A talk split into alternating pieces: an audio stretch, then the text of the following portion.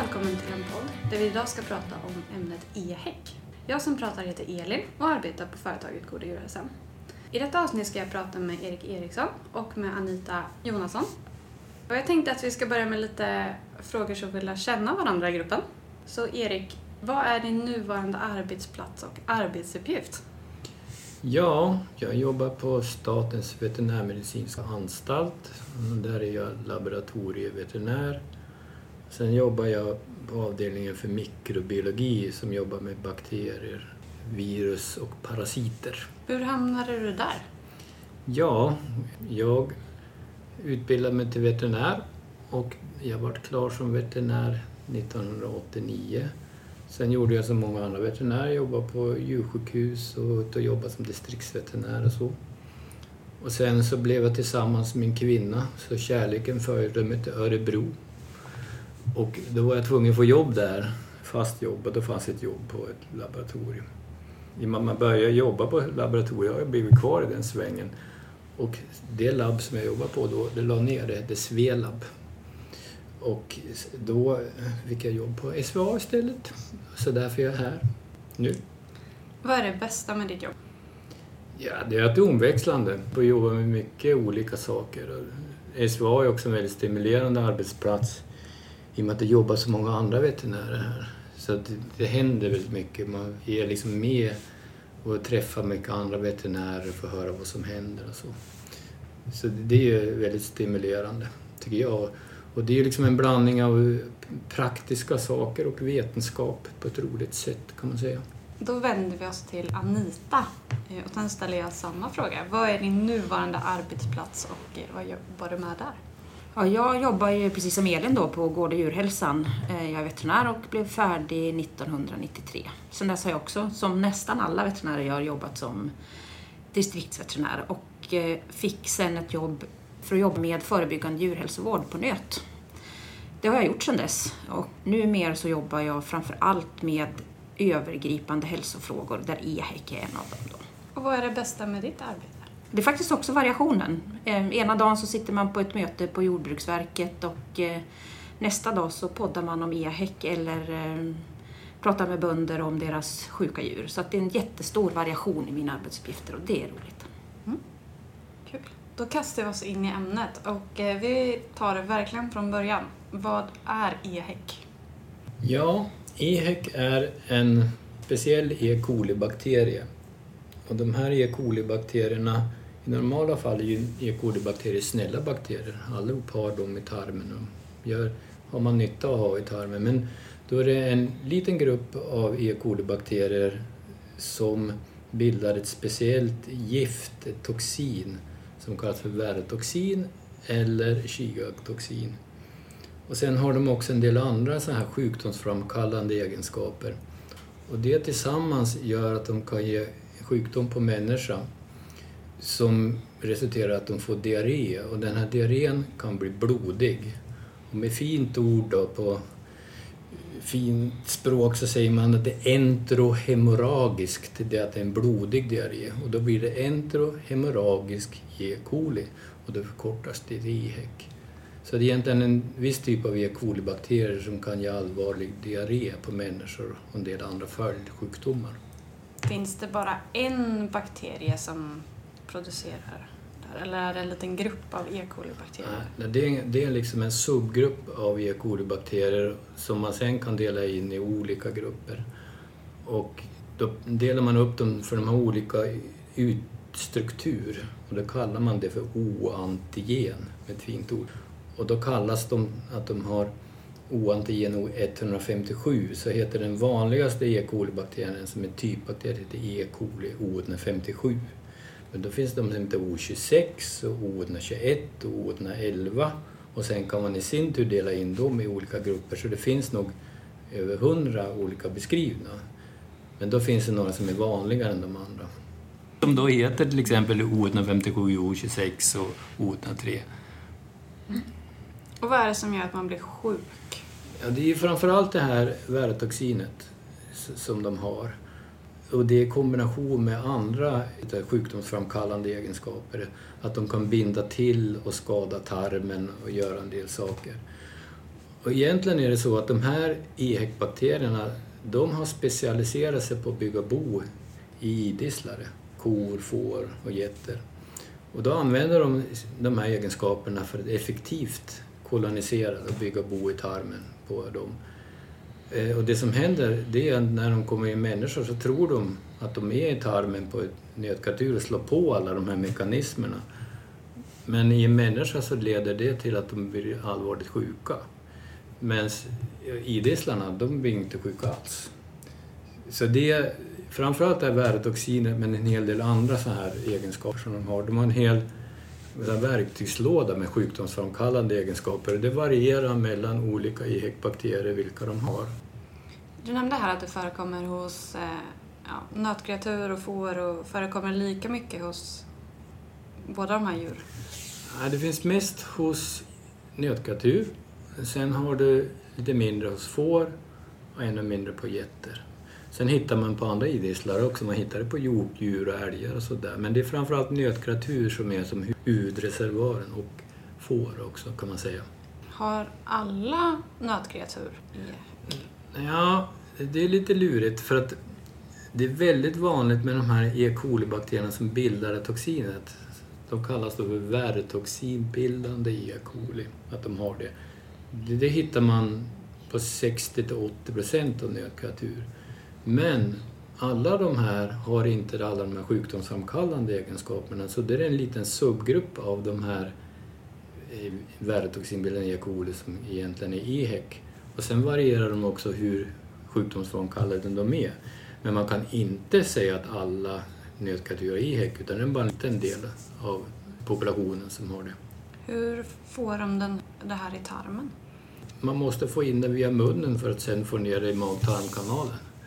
Så det är liksom en smitta som är att man får in det i munnen och det är ju då som ett fint ord så säger man att det är en, vad säger man Anita, oral fekal? Fekal oral smitta. Fekal, alltså det finns i gödsel smitta, säger och man. kom, kommer in i munnen och, Ja. och fastnar i, hamnar i tarmen. Så de, de, de är, tar sig ner i tarmen och sen känner de på sig att nu grabbar, nu har vi kommit ner i tarmen, nu slår vi på de och de genetiska generna som producerar det, det giftet. Och sen så använder de en massa smarta mekanismer för att kolonisera nötkreatur. Men man måste få i sig levande bakterier i munnen för att sen ta ner i tarmen. Och då kommer de här levande bakterierna från andra djur som troligen har haft det. Så att det passerar genom tarmkanalen och sen kommer det ut. Ja. Och sen börjar de. Och då kan det ju då djur som har det smitta de andra. Sen kommer bakterierna ut i miljön och då kan det smitta andra nötkreatur men det kan också smitta människor den vägen. Det är liksom en rundgång kan man säga. Kan det drabba alla, alla åldrar? Ja, alla åldrar nö- nötkreatur kan då koloniseras men vi ser att det är framförallt de yngre djuren. Det är från avvanda kalvar upp till fyra till åtta månader brukar man hitta mest. Men även på ungdjur och sen vuxna djur hittar man mindre på. Det ser man när man tittar på djur som går in till slakt i Sverige. Så det är en väldigt tydlig skillnad i hur frekvent det är, eller vanligt det förekommer på olika åldersgrupper. Och det ser man ju när man tar prover på gård att det oftast är de, alltså inte de riktigt små kalvarna och inte de vuxna djuren utan att det är avvanda kalvar och ungdjur som oftast är positiva när man tar prover. Och det, det använder man ju då för att då om man tar prov på en gård då fokuserar man, man ser till att man tar prov på ungdjuren och kalvarna. Eftersom det är störst chans att hitta det då. Varför alltså förekomst hos de här djuren? Jag har egentligen ingen riktigt bra svar på det men det är, de, det, är det att de inte har stött på det förut. Det är ju liksom, det kallats med ett fint ord att man är naiv. Att man har inte stött på infektioner förut och då och kanske inte utvecklat någon immunitet överhuvudtaget. Och det gör ju att du lättare infekteras. Sen är det likadant med människor som smittas av EHEC, att det drabbar mer små barn. Så det kan ha någonting med hur utvecklat immunsystem man har och sådana saker att göra. Ehm, men jag tror inte riktigt man har någon riktig förklaring på det. Nej, och sen just att det, om man tittar hur det ser ut ute på gårdar så är det så att, att det inte är de riktigt små kalvarna beror ju på att de håller man ju oftare i mindre grupper eller ensamboxsystem utan att det bör, infektionen börjar snurra runt bland djuren när man sätter ihop dem i gruppboxar och det gör man oftast när man, vid avvänjningen. Då. Så att det, det finns ju förmodligen flera olika förklaringar till att det är vanligare hos just den åldersgruppen. Ni säger infektera, blir de sjuka av det? Nej, eh, de blir inte sjuka. Eh, Det finns ett djurslag som blir sjuka av IHEC, förutom människor, och det är apor. För att de är primater. Och den har sin vetenskapliga förklaring i att de har några speciella receptorer som heter GB3. Och de där GB3-receptorerna har primater, men det har inte eh, till exempel idisslare. Det är lite intressant till exempel om man tittar på EHEC så finns ju en receptor som heter GB4. Och den har grisar, men den har inte människor. Och då finns en speciell typ av väretoxinbildande E. coli som bildar ett väretoxin som heter VT2E. Och det ger ödemsjuka på grisar. Och det orsakar att de får det beror på att de har just den receptorn som är GB4. Så att det är lite intressant faktiskt att grisar blir också sjuka av VTEC men de får ödemsjuka. Och där pratar man inte om EHEC då. Kan man säga att bli infekterad betyder då inte... Den behöver inte betyda att man blir sjuk liksom, utan man kan bära på någonting. Nej, det är det med att man plockar upp bakterien. Det är också skillnad, en del djur blir koloniserade, det vill säga den bygger bo då, i tarmen. Och en del blir bara tarmpassanter, de går igenom djur. Och de utsöndrar väldigt lite av de här bakterierna, medan de som blir koloniserade kan utsöndra jätte- jättemycket. De kan vara såna här högutsöndrare i vissa lägen. Och då kan de utsöndra liksom upp en mil- miljon per gram. Och då om man tänker på nötkreatur, de producerar en hel del avföring så det kommer ut rätt mycket. Och det är de här högutsöndrarna som troligtvis ger att mycket av de här problemen som man får med sjukdomar och att det sprider sig mellan djuren. Erik, du, alltså om man pratar om infekterad så menar vi egentligen att då har bakterien inte bara runnit igenom utan då har den liksom fastnat i djuret. Ja, Är det, är det, så, är det så du menar? Ja, det kan man väl säga. Att man blir koloniserad, kan man Ja, säga. då men- blir man infekterad. Ja. Så måste man ju kanske säga. Är det vanligt förekommande i, hos oss i Sverige, på våra svenska besättningar? Ja, och då är det den här O157 som jag pratade om tidigare. Den är ju den som vi känner till mest om, det är ju typmekanismen. Och den har vi gjort jättemycket studier i Sverige. Om man går ut och screenar ett område med besättningar med nötkreatur, då ser vi att ungefär 10 procent vid ett visst tillfälle har den här bakterien. Sen det varierar det väldigt mycket hur mycket djur i besättningen som har det. Det kan vara bara för någon, några få, till nästan alla vid olika tidpunkter beroende på var de befinner sig när de har blivit infekterade. och Så. Sen vet vi då när de går in till slakt, när vi tar prover på djur som slaktas, då är det ungefär i snitt 3 procent av djur som har det i tarmen. Och som jag sa tidigare, det minst på vuxna djur. Men eh, man kan så, på så vis säga att det är relativt vanligt. Och det är bara en av de här EHEC-bakterierna. Det finns ju där med O26 och O103 och O121 som jag pratade om. Och de har vi inte lika bra koll på. Men sammanfattningsvis kan man säga att det är relativt vanligt förekommande. Alltså. Men sen Erik är det ju också så att, det du säger att tio, om man går ut vid ett visst tillfälle så är 10% av gårdarna kan man hitta bakterien på. Mm. Men om du går ut en månad senare så är det fort 10 men det är förmodligen delvis helt andra gårdar. Ja. Att smittan flyttar sig mellan olika Precis, besättningar och de flesta besättningar plockar upp det och så blir de av med det ganska fort. precis. Så är det. Vi, vi har ju gjort en studie över lång tid och vi följde 125 besättningar under flera år. Och då visade det sig att över hälften av dem hade någon gång haft det. Och det är precis som Anita säger, att det, ena gången så har man det och sen så har man en stund och så blir man av med det men då kan en annan gård i grannskapet samma bakterier så du, du får ta runt runt. Så det är liksom så att även om du har fått in smittan så har det den liksom inte för alltid förmodligen utan de flesta på de flesta ställen så försvinner den så småningom av sig själv. Eller så småningom, det kan gå ganska fort till och med va? Ja, de, de flesta gårdarna som var med i 125-gårdsstudien de blev av med det på 4 till 6 månader. Men hur flyttas den här bakterien runt då? Ja, det är ju som allting annat, det kan spridas med många olika vägar. Man kan köpa djur som har med sig det. Man kan plocka upp det via miljön. Att man kan plocka upp det till exempel ute på bete och det finns i miljön där. Och det kan också då komma in via vatten till exempel, att man dricker vatten som har blivit förorenat. Man kan säkert få det via foder, fast vi har inte sett så mycket av det. Vi har undersökt det. Men det är liksom många olika vägar det kan komma in. Du säger att de kan plocka upp det från miljö. Är det en överlevnadskraftig bakterie?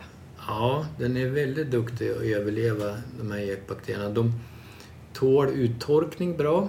Så när vi går in i stallar och tar dammprover så är det det bästa sättet nästan att hitta dem. När vi gjorde en studie vad som var det bästa sättet att ta prov i besättningar, då kom vi fram till att ta dammprover bland kalvarna var det som var optimalast när man tog prov på kalvarna. Och då lever de länge i damm. Det är likadant, salmonella har också en förmåga att överleva länge i damm. Sen lever det länge i övrigt också. Så vi har ju gjort studier på gårdar där man hittar på komockor på bete. Och då hittar vi på hösten. Sen kommer de tillbaks till våren igen allt, när det är dags för betesutsläpp och så tar man prov på komockorna och då finns de kvar. Men mm. man ska ha klart för sig att med överlevnad menar man att, att det är någon som överlever för det, det blir ju också att de går ner med tiden. Så det, det är inte att alla överlever hela tiden, det blir som en halvering, att de försvinner med tiden. Men det, det, är en, det är en rätt tuff bakterie. Den klarar också lågt pH bra. Som sagt uttorkning, så det, så är det. Men sen beror det också lite grann på hur, hur skyddat den är. In, in i en komocka så lever den längre än om, ja. Om det regnar på den och den går sönder och solen och kommer åt den till exempel. Då dör bakterierna fortare. Det är som alla bakterier, de gillar att det är fuktigt och de gillar att det är kallt. Då lever de jättelänge. Men om det blir torrt och jättevarmt, det är inte kul. Och de ligger bart, så att säga. Ja, så om du har solen som ligger på till exempel, då klarar de sig precis som Anita säger, de ligger inne i komocka. Men det, det, är en smart bakterie, den har specialiserat sig att bo hos nötkreatur. Då har den specialiserat sig att överleva i en komocka mm. också. Men ni säger här att djuren blir inte sjuka. Varför letar vi efter EHEC hos våra djur? Det, det är ju för att eh, människor kan ju bli väldigt allvarligt sjuka av den här bakterien. Och då är det ju nötkreatur som är reservoaren. Då vill vi ha reda på var man hittar de här ekbakterierna. Dels för att förstå den, och se vad vi kan göra för att hjälpa lantbrukare att bli av med och förstå hur vi ska hantera det. Men sen är det också hur man kan ge råd och så för att förhindra att människor ska bli sjuka. Så det är ju mycket därför som man undersöker för IHEC. Den egentligen anledningen till att vi jobbar mycket med bakterien det är ju för att människor blir sjuka, inte för att det är ett problem för djuren. Nej, och många gånger är det väldigt fina besättningar som har den här bakterien. Så de är väldigt välskötta med jättebra hygien och det har ingenting med det att göra. Det är bara slumpen om man råkar ha det och djuren är inte sjuka. Men hur bestämmer ni då vilka besättningar ni ska provta? När vi har tagit prover, det är ju så att vi kanske i Sverige är en av de länder som har gjort mest forskning kring att provta gårdar och försöka förstå samband och så. Och det är tack vare att vi har fått Jordbruksverket, SVA och så här organisationer som Gård och djurhälsan har hjälpts åt att tillsammans försöka reda ut det här och man fått resurser för att göra det. Och då har vi ju tagit prover bara för att förstå. Som den här 125-gårdsstudien när man tog prov varannan månad under tre års tid tror jag var i 125 mm. besättningar för att försöka förstå hur beter sig det här. Det är det ena sättet. Och det andra när man tar prov på, är på slakterier för att se ser man någon förändring. Det börjar på dyka upp olika stammar i olika delar av landet. Och, så då tar man ju prov för det. Men sen tar man också prover när man gör så här smittskyddsutredningar där man misstänker att människor har blivit sjuka för att de har varit ute på en gård, kanske druckit opastöriserad mjölk och umgåtts med djur och så. Och då vill man se, är det de här stammarna som människorna har blivit sjuka av, hittar man dem även på djuren? Och det är ju mycket för att man vill se det och se om man då kan förhindra att det ska upprepas igen. Och kanske ge de här råd för hur de lättare ska bli av med den och sådär. Och det handlar ju mer om att man vill då ge råd kring hygien och så, att man inte ska dricka opastöriserad mjölk. Och att, mycket att man ska tvätta händerna när man varit i kontakt med djuren. Sen rätt självklara saker. Men egentligen kan man säga om man liksom gör det i två stora sjok så kan man säga att dels så letar vi efter bakterien ur forskningssyfte för att förstå liksom hur den flyttar sig mellan gårdar och var den finns och vilka sorter som finns. Och det andra är ju det här som Erik säger då att när en människa har blivit sjuk så gör läkare en smittskyddsutredning och då kanske man landar tillbaka till att smittan kom från en gård och då provtar man den gården. Så det är liksom två, två stora spår kanske man kan säga. Man säger ju att man blir sjuk när man dricker opastöriserad mjölk. Men vad är det som gör att man blir sjuk? Det som är så speciellt med EHEC det är ju att låt oss säga att du ska bli sjuk i salmonella. Då behöver du få i dig kanske 100 000, en miljon bakterier. Och kännetecknande för salmonella då, då är det att salmonella oftast hamnar i ett livsmedel där du får en tillväxt så det blir väldigt mycket bakterier och så äter man det så man blir sjuk. Medan EHEC, då kanske det räcker med 50 till 100 bakterier, extremt mycket mindre. Det, det finns även publikationer som pratar om 10 bakterier ska räcka. Och det är väldigt, väldigt få bakterier. Och då räcker det med att det finns väldigt lite i mjölken. Det som behövs om man ska bli sjuk är att man ska få i sig en tillräckligt hög smittdos som tar sig ner i tarmen. Då. Är det då att bakterierna har vandrat från tarmen ner till mjölken? Nej, det är ju så när, när du mjölkar en besättning, det är klart man torkar ju av spenarna väldigt noggrant men det går ju inte att få bort alla bakterier. Så det finns ju kanske lite bakterier kvar på spenarna. Men det är också så när man mjölkar kor, ibland kan det hända olyckor att kor är så dumma som sparkar av sig mjölkmaskinen och det, det sugs in. Och om du tittar på ett sånt här mjölkfilter efter man mjölkar kor så ligger det ju alltid lite bajs och skräp i det filtret. Och då i och med att det behövs så lite så kan det komma ner i mjölken och det räcker att man blir smittad. Det är likadant också att man kan smittas via vatten. Det förekommer till exempel förra sommaren var det ju många som varit sjuka för de spreds via badplatser. Och då är det troligtvis små barn som har gjort sina behov i vattnet och varit sjuka och sen är man där och badar och kanske får en kallsup eller går upp och käkar lite mat på badstranden och sen blir man sjuk. Och det beror på att det är så låg infektionsdos. Och det gör också att man kan klappa djur och sen stoppa händerna i munnen och det kan vara farligt för till exempel små barn som springer runt och vill hålla på med kalvarna och sen inte tvätta händerna innan de stoppar någonting i mm. munnen. Och det är därför man ska, man ska absolut undvika att äta i samband med vistas i miljöer som, med djur som kan vara gödselbemängda miljöer. Man ska säga. Egentligen så är det att bakterierna finns i bajset men eftersom den är så, så låg infektionsdos så kan man ser, behöver inte alltså se att det är smutsigt och det kan ändå finnas tillräckligt mycket bakterier för att någon ska bli sjuk. Särskilt då barn som är mm. känsligare än, äh, än vuxna. Mm. Jag läste om några exempel på utbrott och då var de flesta kopplade till att man ätit eh, sallad och groddar och, mm. och så. Och hur är den kopplingen då till? Ja, det är ju att man använder ju gödsel för att gödsla så det ska växa bra. Det ena. Sen många gånger i det här är det att man använder vatten som då är så att säga, kontaminerat av gödsel. Och att det behövs lite bakterier så kan det räcka. Man hade ju ett utbrott, jag tror det var 2005 nere i Halland med många sjuka som var sallad. Och då var det ju en salladsodlare som hade använt vatten från en å. Som vi sen kunde hitta att det fanns dåligt vatten och att vi hittade ehek, samma ehekbakterier uppströms på nötgårdar mm. som då hade kommit ner i vattnet och sen hade man gödslat sallad med det. Det är ju den smittvägen och nu har man haft i USA utbrott som beror på mjöl. Och det tycker man är jättekonstigt att man kan ha ehekemjöl men det har med det att de vattnar då med dåligt vatten och har jättestora odlingar för brödsäd, man ska säga. Jag läste också att inrapporteringen av människor som har fått EHEC har ökat de senaste åren. Mm. Finns det någon förklaring till? Vi kan säga då, vi som håller på att ta prover på nötkreatur och får som håller på med länge, vi har ingen indikation att det ökar bland djuren.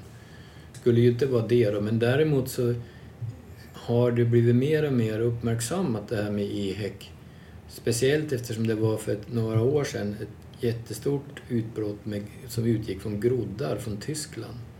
Och då har sjukvården blivit mycket mer inriktade att ta prover och fått väldigt bra metoder. Så det har väldigt mycket med hur man skrinar och hur man letar. Och det kan påverka att man hittar mer. Sen har man övergått också från att tidigare så odlade man mycket de här proverna. Nu använder man DNA-metoder. Och då letar de... När människor har diarré så tar man en palett med DNA-metoder för olika agens. Och då hittar man mycket mer av de här värdetoxinbildande E-koderna. Och det är naturligtvis en orsak. Sen varierar väldigt mycket från år till år. Förra året då hade man nästan tusen fall. Varav kanske 600-700 var inhemska. Men året innan var det mycket färre. Så det är från år till år. Och, och inhemska det betyder att, att de har blivit smittade ja, i Sverige? Precis. In, inte utomlands. Hur gör man då för att undvika att bli smittad? Man får ju utgå från det som vi sa, man måste få in sig levande bakterier i munnen som kommer ner. Börja med livsmedel till exempel. Man ska undvika att dricka opastöriserad mjölk, precis som vi sa. Man ska undvika att äta rått kött som steak tartar och sånt där. Och när man steker köttfärs och köttbullar så ska man inte smaka på den råa köttfärsen. Och man eh, ska ha bra livsmedelshygien så tillvida att man kan ha saker som idag innehåller bakteriekontaminerade och så får man inte lägga dem på en skärbräda och sen göra grejer och sen skära upp sallad och sånt där som då eh, kan bli kontaminerat. Och man kan skölja sallad och så. Så det är livsmedelshygieniskt. Och när man då umgås med djur då, då är det egentligen enkelt att man, man ska tvätta händerna efter att ha varit i kontakt med djur, speciellt före man äter mat. Som Anita var inne på, det är den här miljön, att de här bakterierna kommer ut och att man får det då på något vis på händerna eller något annat och så stoppar det i munnen. Vi har haft en, en bonde vet jag, som han trodde vi helt säkert han fick den när han snusa och då snusade han i laggorn. Så han hade väl fått på, på fingrarna mm. och sen stoppade han dem i munnen. Mm. Och den här låga infektionsdosen ger det. Det är därför som egentligen är, det relativt enkelt sätt, det är ju bara att man ska tvätta händerna. Och framförallt innan man äter mat. Och inte äta mat i miljöer man ska inte sitta liksom bland massa komockor och picknick. Det är inte så smart helt enkelt. Mm. Jag skulle bara vilja komplettera lite när, när vi pratar det här med kött. Därför att det finns ju inte i köttet. Så att man kan ju, det här med att äta till exempel en blodig biff, det går bra. Utan det här är en bakterie som finns på ytan. Genom att även där så har det kommit bakterier utanpå, utanpå köttet. Och det är också därför som köttfärs eh, är det som man ska vara särskilt försiktig med. Och det ska alltid vara genomstekt därför att där är det ofta ytkött som man maler. Så att där kan det finnas, och den blandas ju runt, så där kan bakterierna finnas liksom inuti färsen. Men inte inuti köttbitar. Och sen är det en excellent miljö för bakterier att växa till i köttfärs. Det är mumma. Där är mycket käk. Köttfärs som blir finfördelad, det är jättebra för bakterier som vill växa till. Finns det något man ska tänka på när man skickar sina djur till slakt? Ja, en sak som är viktig där det är ju att det kan finnas EHEC-bakterier i gödsel så det är viktigt att djuren är så rena som möjligt för att man inte ska riskera att få med bakterierna in på slaktlinjen och på slaktkroppen. Och det kan ju hända om man till exempel har mycket gödsel på utsidan av, av huden att det då kan fastna bakterier på själva slaktkroppen och därigenom komma till köttet. Det är ganska intressant faktiskt, för vi gjorde något år på slakteriprevensstudien. Då, då samlade vi upp avföring från tarmen med slaktade djur. Då gjorde vi det. Sen gjorde vi på test att vi skar av en bit av örat efter att djuren var slaktade, vill jag påpeka. Och då hittade vi mer, mycket mer på öronen än vi hittade i avföringen. Så de har även de här bakterierna rätt mycket på huden. Och det är därför som vid slakten är det jätteviktigt för dem att inte förorena via avhudningen. Och det är mycket, mycket svårare för dem att slakta när de är skitiga djur. Det kan man ju förstå. Mellan besättningar då? Vad ska man tänka på där? Det där tycker jag jag överlåter med varm hand till Anita att svara på. Eftersom Erik, som Erika beskriver då, i de studier vi har gjort så flyttar sig alltså infektionen mellan olika besättningar och exakt hur det här går till, det har vi väl inte riktigt kläm på. Utan det är en miljöbakterie som kan flytta sig mellan besättningar. Och eh, jag tror att det viktiga här är väl kanske att i så stor utsträckning som möjligt skapa förutsättningar för att bakterien inte ska fastna i djuren eller i besättningen. Och mycket av det handlar ju om att ha en, en bra hygien. Att skapa det här som Erik säger, bakterien trivs inte när det är torrt och inte när, det, när den ligger bort. Så att eh, då biter den sitter fast. Så att egentligen handlar det mer om besättningen att jobba med hygien för att den inte ska eh, infekteras. För att, att hindra den från att flytta mellan gårdar, det tror jag inte riktigt att vi vet hur man skulle göra. Och hygien, tänker du då som foderhygien eller stallhygien? Alltihopa. Det gäller ju för många infektioner. Det, det är liksom samma smittskyddsråd som vi pratar om för många infektioner. Alltså att man inte har eh, gödselinblandning i foder, att man har bra rutiner för att hur man kör foderbord till exempel. Att man har rent, eh, rena ströbäddar, torr miljö bland djuren, rent vatten också där för att de inte ska få plocka upp det och äta, äta upp sådana här bakterier och koloniseras. Hur ser det ut i världen? EHEC-bakterier, det finns ju liksom hela världen. Men det är intressant att det varierar väldigt mycket med olika länder, vilka olika sorter de har och hur mycket de har. Sverige har ju varit ett O157-land, men sen har det mer och mer kommit fram att vi hittar många andra också sorter. Då. Men som Argentina är det land i världen som har mest problem med O157, har mest sådana här fall av allvarliga njuråkommor på, på barn på grund av EHEC. Skottland är också ett, ett, land som har mycket problem. Och det intressanta är att om man tittar på breddgrad, var vi ligger, så om man tittar på Kanada, Sverige, Skottland, där har man ungefär samma bild av EHEC. Men som man kommer ner i södra Europa så har man andra bakterier. Men de finns överallt och det som är så också underligt att man har bland de EHEC-bakterierna så dyker det upp vissa sorter då som är mer sjukdomsframkallande.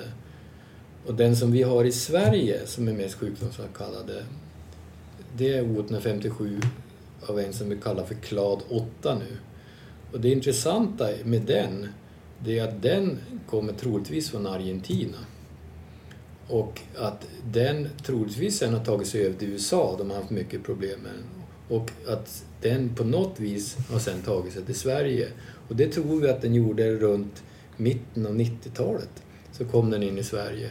Eh, 1995 hade man nästan inget fall alls i Sverige. Sen helt plötsligt började vi få mycket fall av IHEC. Och sen hittade vi den här och då dök den upp först i Halland. Den hade en spridning i Halland och sen har den spridit sig över resten av Sverige. Och då är det olika sorter av allvarliga EHEC som finns i olika länder. Det där är ju lite intressant. EHEC, du säger att det är en ganska ny infektion i Sverige. Men är den, har den funnits i andra länder ja, det, i all, alltid? Eller? Ja, det, när, man, när man börjar titta på det så ser vi att de här bakterierna har funnits väldigt, väldigt länge. Men de har liksom upptäckts 1980-1990-talet. Sen har man ju då säkert det att det blir mer och mer folk som blir sjuka kan bero på många olika bakterier. Man har annan typ av jordbruk, man annan typ av livsmedelsspridning och massa olika saker. Men en grej som vi tyckte var väldigt intressant det var att före 1995 hade man ju ingen sjukdomar alls i Sverige som man kunde sätta till EK och så kom den här Clade 8. Och då gjorde vi en studie och då trodde man ju att i Sverige finns ju inte den här bakterien. Så då tog man på, måste ta prov på 3000 djur för att kunna hitta en enda, trodde vi då. Och då hittade vi att det var 1,2 procent. Mm. Och vi hittade den här Clade 8. Men vi hittar en massa andra O157 som har, och de har ju funnits här hela tiden. Och då har den gått under radarn. Det har vi inte märkt att folk har blivit sjuka av. Så det innebar att i Sverige har ju alltså funnits sådana här O157-bakterier länge, före 1995. Men det som hände 1995, det var ju då att då kom den här elaka bakterien, mer sjukdomsframkallande, O157 klad 8 in och helt plötsligt började folk bli sjuka och så vart det här mer uppmärksammat. Kan man säga att man inte hittar någonting som man inte letar efter? Ja, den som letar skall finna. Men Så är det nog. Om, om folk kan ha varit smittade av EHEC innan 1995 men då visste man inte att det Nej, var men EHEC. jag tror inte det därför att det är så att man har alltid koll på antal sådana här husfall. Och det är så att EHEC är ju, hus är ju det här som, som när, när vi säger att man får en, slår ut njurarna, det är en följdsjukdom man får av EHEC. Och om man då tittar liksom i Sverige också nu som man säger att sjukdomsfall ökar som vi var inne på förut så ser man ett antal husfall tror jag inte ökar så jättemarkant. Utan det är många, får, många som får diarré. Då ska man titta efter den här allvarliga som slår ut njurarna hus. Och det fanns inte så många fall före 1995. Så att det har skett en ändring. Så är det. Om ni skulle säga varsitt take home message, vad skulle ni välja då? Nej, men alltså, det som jag tycker med EHEC, det som är lurigt är ju att den är så vanligt förekommande. Och att då man kan bli så allvarligt sjuk. Det, det är det som är liksom det speciella med EHEC. Men man ska ha klart för sig att jag tycker jag liknade väldigt mycket EHEC med att man är ute och åker bil i trafiken. Eller man är i trafiken. Och då är det så att man kan råka ut för trafikolyckor. Men du kan ju alltid minimera risken att råka ut för en trafikolycka om du väljer att kanske besiktiga bilen så bromsarna funkar. Låt det bli att köra 180 på en 80-väg och att man stannar för rött ljus. Så det, genom enkla regler så kan man alltså minimera risken för att råka illa ut. Så att även för att det är likadant som med trafiken, man ger sig ut och åker i trafiken även om man vet en risk. Och det här med EHEC är ju att det är relativt vanligt förekommande, så det finns risker. Men de är hanterbara om man följer trafikreglerna. Och trafikreglerna, det är framförallt det här som du säger att det handlar ju om att veta att i miljö där det finns djur så kan det också finnas EHEC och det finns ju också andra infektioner som man kan, kan bli smittad av som människa. Och det viktigaste rådet är ju att se till att man tvättar händerna och framförallt innan man äter någonting. För då får man, får man inte in bakterierna i munnen så blir du inte sjuk. Och sen så är det ju det här då med eh, livsmedelshygien, att, man- att man vet vad man håller på med i köket, särskilt det här med kött förstås, att man genomsteker och att man har bra, håller reda på knivar och skärbrädor och sådana saker när man hanterar kött. Och sen är, vi undersöker ju många gårdar som är kopplade till EHEC-fall. Och merparten genom åren har varit att de har druckit opastöriserad mjölk. Mm. Så det är dumt att dricka opastöriserad mjölk. Och framförallt inte bjuda små barn Nej. på opastöriserad mjölk. För det ska man komma ihåg att barn, hur många som blir sjuka och vilka som blir allvarligt sjuka så är ju barn känsligare så de är ju en riskgrupp även när det gäller när det gäller EHEC. Så de här råden om handtvätt och opastöriserad mjölk är särskilt viktiga för barn eller om det är någon som av någon annan anledning har, kan, man- kan tro har dåligt immunförsvar. Jag skulle faktiskt vilja prata om en annan sak. Mm. Nej, det jag skulle vilja prata om det är vad gör det här med att när människa blir sjuk så görs det en utredning. Och det är alltså från läkarsidan som man då vill ta reda på vad är det för sorts bakterier som människan blir sjuk av, vilken av de här alla O-sorterna är det som människan blir sjuk av och var kan den ha kommit ifrån. Varje sånt här fall av EHEC som man ser i statistiken görs det en utredning och då går smittskyddsläkare eller smittskyddssjuksköterska in och försöker fråga ut de här personerna. Vad har du gjort? Vad har du ätit? Har du varit på någon bondgård? Har du varit utomlands? Har du... Ja, det är ett jättelångt formulär. Och utifrån det då så försöker man bilda sig en uppfattning om vad smittkällan skulle kunna vara. Och om det då i det fallet visar sig att man till exempel har varit på en gård och druckit opastöriserad mjölk, då, kan man, ju- då finns det en misstanke om att det var på den här gården som människan blev infekterad. Och då kan alltså, eh, i det fallet så blir det Jordbruksverket eftersom det är de som har hand om djur, djuren så att säga. Då kan man bestämma att vi går in och provtar på den här gården. Om man då hittar samma sorts EHEC på djuren som människan har blivit sjuk av, då säger man att det var det som var smittkällan till människan. Och det är det som vi kallar då för en humankopplad gård. Vi har några sådana varje år. Mm. Ungefär tre till fem per år Ja. som vi hittar. Undersöks kanske det dubbla, ibland fler än så också. Vi har ju haft både gårdar som har haft nötkreatur och gårdar som har haft får. Mm. Men det som händer då det är ju att den här besättningen får ju alltså råd. Dels så får, får de ju råd om vad ska vi göra, vi vet att den här bakterien finns på din gård. Vad är det ni behöver göra för att inte någon fler ska bli sjuk? Till exempel det här med att tvätta händerna eller inte bjuda på opastöriserad mjölk om det nu var det som var orsaken till att någon blev sjuk. Och sen så får djurägaren också råd om vad kan man göra för att försöka få bort den här infektionen från gården. Eh, och precis som vi pratade om så handlar det i mångt och mycket om liksom ganska basic smittskydd. Många gårdar blir av med den genom att man tittar på hur sådana här saker som att ha rent och torrt hos kalvarna, inte blanda grupper av kalvar och så vidare. Och sen försvinner infektionen ofta från gården på några månader. Och om man har fler funderingar på att lära sig mer om e-häck eller hur, hur det går till i sådana här situationer, vart, vart kan man hitta information då? Man kan ju alltid gå in på webbsidorna för både Jordbruksverkets, SVAs, Livsmedelsverket, Folkhälsomyndigheten. Och sen vill jag göra ett slag för att vi har ju jobbat nu med ett, så här, ett speciellt projekt som vi kallar för MSB-projektet. Och i det gjorde vi just för information för framförallt lantbrukare men även allmänheten så gjorde vi några videofilmer som man hittar på Youtube. De är inte så lätta att hitta men om man knappar in Youtube sökord EHEC SVA, så E-H-E-C, alltså SVA, då är det fyra filmer som vi har spelat in. Med just där man dels intervjuar lantbrukare som har haft EHEC, infektionsläkare och eh, jag är nog med på någon intervju där också. Och sen pratar man med Livsmedelsverket om livsmedelshygien och sånt där. Och det är relativt lättillgänglig bra information. Och likadant har man sammanfattning av MSB-projektet. Den ligger på de här, om man söker på de här hemsidorna så hittar man material där att läsa om. Gård och djurhälsan har väl också informationsmaterial? Ja, vi, ja, vi har också informationsmaterial på vår hemsida.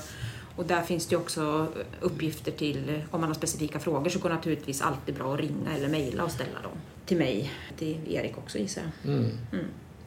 Men då får jag tacka så jättemycket för att eh, ni ställde upp. Mm, tack. Mm.